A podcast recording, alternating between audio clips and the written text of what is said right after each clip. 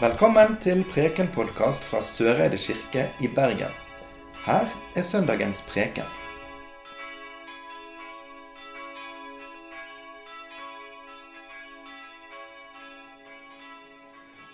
Det står skrevet i evangeliet etter Matteus. Jesus kom hjem til Peter og så at svigermoren hans lå til sengs med feber. Han rørte ved hånden hennes, og feberen slapp henne. Hun sto opp og stelte for ham.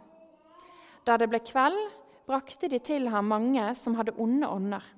Han drev åndene ut med ett ord og helbredet alle som var syke. Slik skulle det ordet oppfylles som er talt gjennom profeten Jesaja.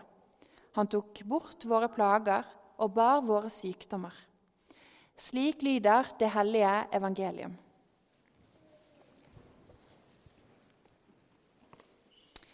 I dagens eh, tekst så blir vi tatt med rett inn i privatlivets sfære. Peters svigermor, som vi dessverre ikke vet hva heter, i likhet med veldig mange andre personer, og særlig kvinner og barn i evangeliene, hun er syk. Hun har feber og er sengeliggende. Jesus rører ved hånden hennes, og det er som om hun spretter opp, frisk som en fisk, og steller i stand for han. Sannsynligvis lagde hun da mat til han og Peter.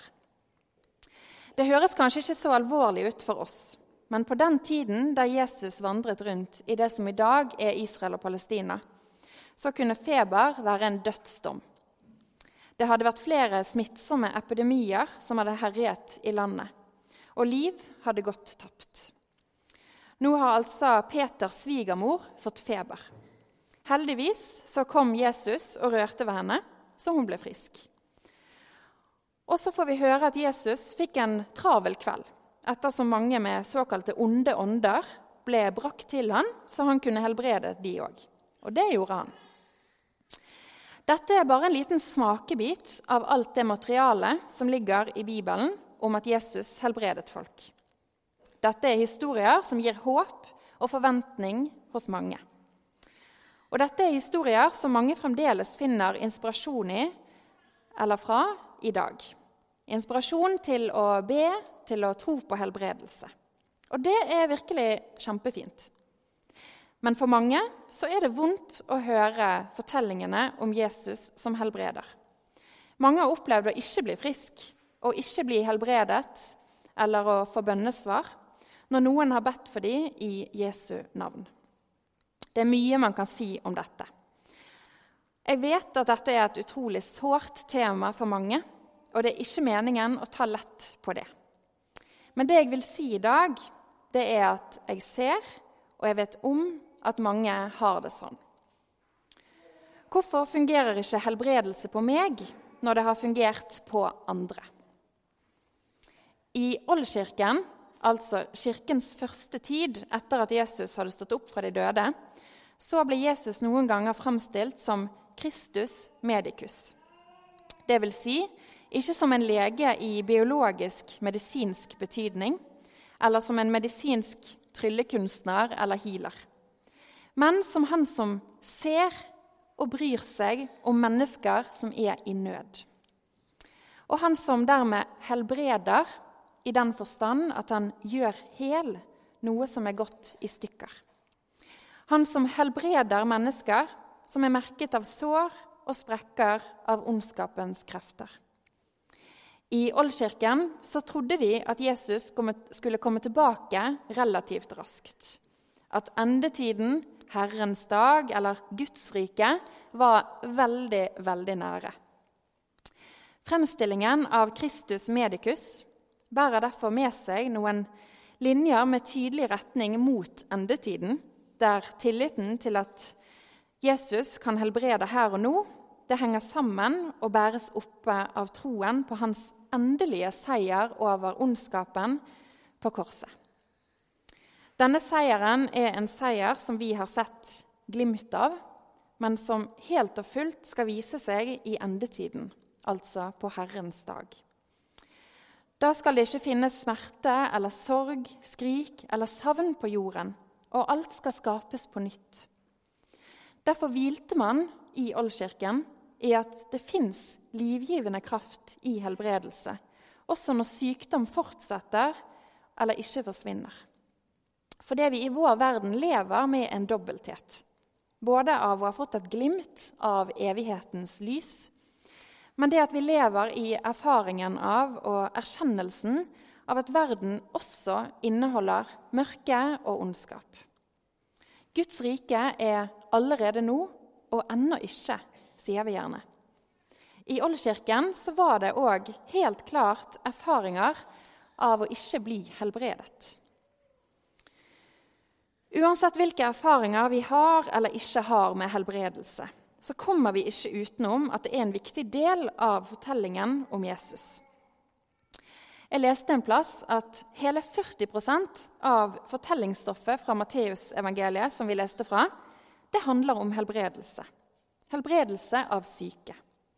Jesu omsorg for syke og marginaliserte er derfor en viktig del av fortellingen om hvem han er, og hvilket budskap, budskap han bringer med seg.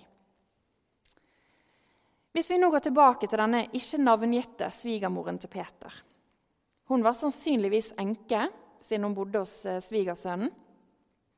Å være enke det betydde at hun tilhørte en av de mest sårbare gruppene i samfunnet. Både sosialt og religiøst så var hun blant de laveste på rangstigen. Og så har hun altså fått feber, som kunne være dødelig. I vårt samfunn i dag så har vi ordninger for både helsevesen og trygdesystem. Ordninger som skal ta vare på oss når eller hvis vi trenger det. Sånn var det ikke i Israel og Palestina på Jesu tid. Sykdom hadde store sosiale, fysiske, psykiske og økonomiske kostnader. Når noen var blitt syke, så var de ikke lenger å anse som en bidragsyter i husholdningen, og heller ikke i lokalsamfunnet som de hørte til. Mange tolket òg sykdom som straff, kanskje til og med for noe som noen andre i familien hadde gjort for mange år siden. Straff fra Gud, altså. Derfor er det ikke bare det faktum at Jesus helbreder Peters svigermor, som spiller inn her. Hun er enke uten sikkerhetsnett. Og nå, hvis ikke hun kan bidra i husholdningen, så har hun ikke verdi lenger.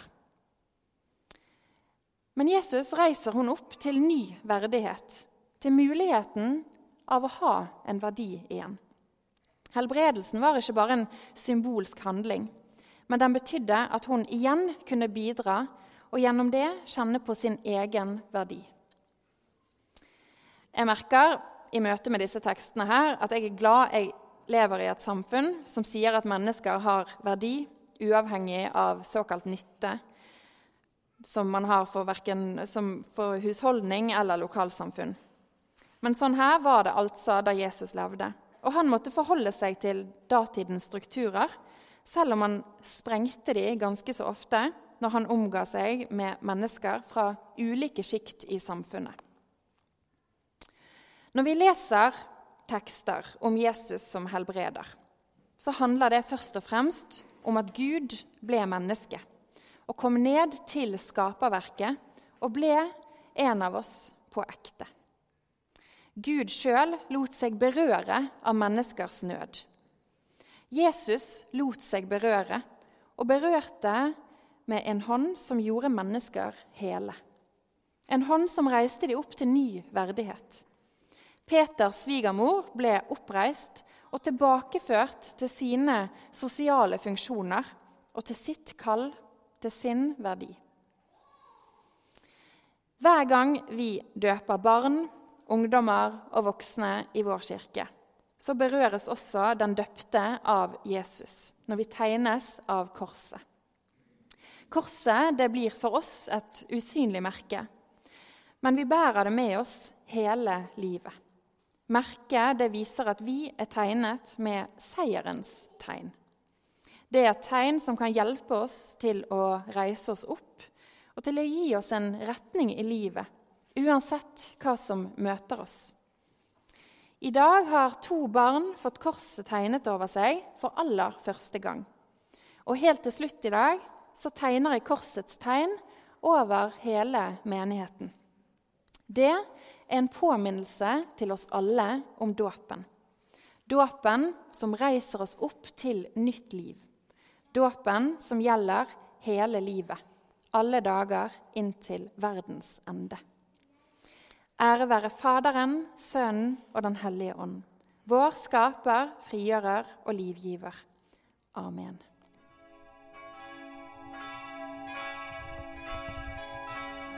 Du har nå hørt Preken-podkast fra Søreide kirke i Bergen. Følg oss gjerne på Facebook og Instagram, eller gå inn på vår nettside kirken.no soreide. Takk for at du hørte på.